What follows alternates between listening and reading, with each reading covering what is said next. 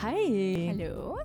Vertel, waarom zitten we hier? Nou, we zitten hier namens Red Pers, een journalistiek platform voor en door studenten. Oftewel echt een springplank om de journalistiek in te gaan.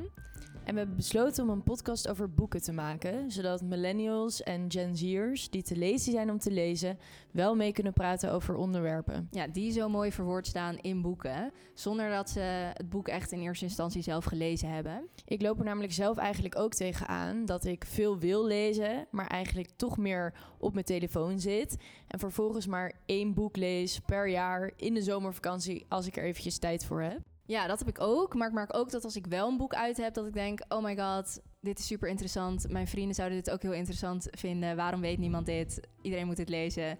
Maar als ik het boek zou aanraden, zouden ze niet een vet duur boek kopen en heel veel bladzijden uitlezen. Dus daar gaan we in deze podcast mee aan de slag. We vertellen je alles over populaire boeken met een maatschappelijk haakje.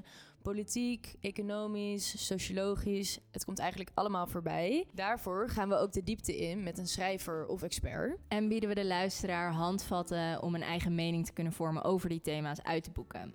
Ja, en dan kunnen millennials dit dan vervolgens ook weer delen met hun vrienden op een feestje. Niet alleen millennials natuurlijk. Um, ik kom zelf uit 1999, dus misschien ook wel Gen Z. En ik kom uit 1997. Uh, eh, dus waar zitten we precies? Ja, we vallen volgens mij precies tussen die twee generaties in. Dus eigenlijk zijn we Zillennials. ja, dus lieve Zillennial. Luister naar Lazy, een podcast van Red Pers vanuit de Bali.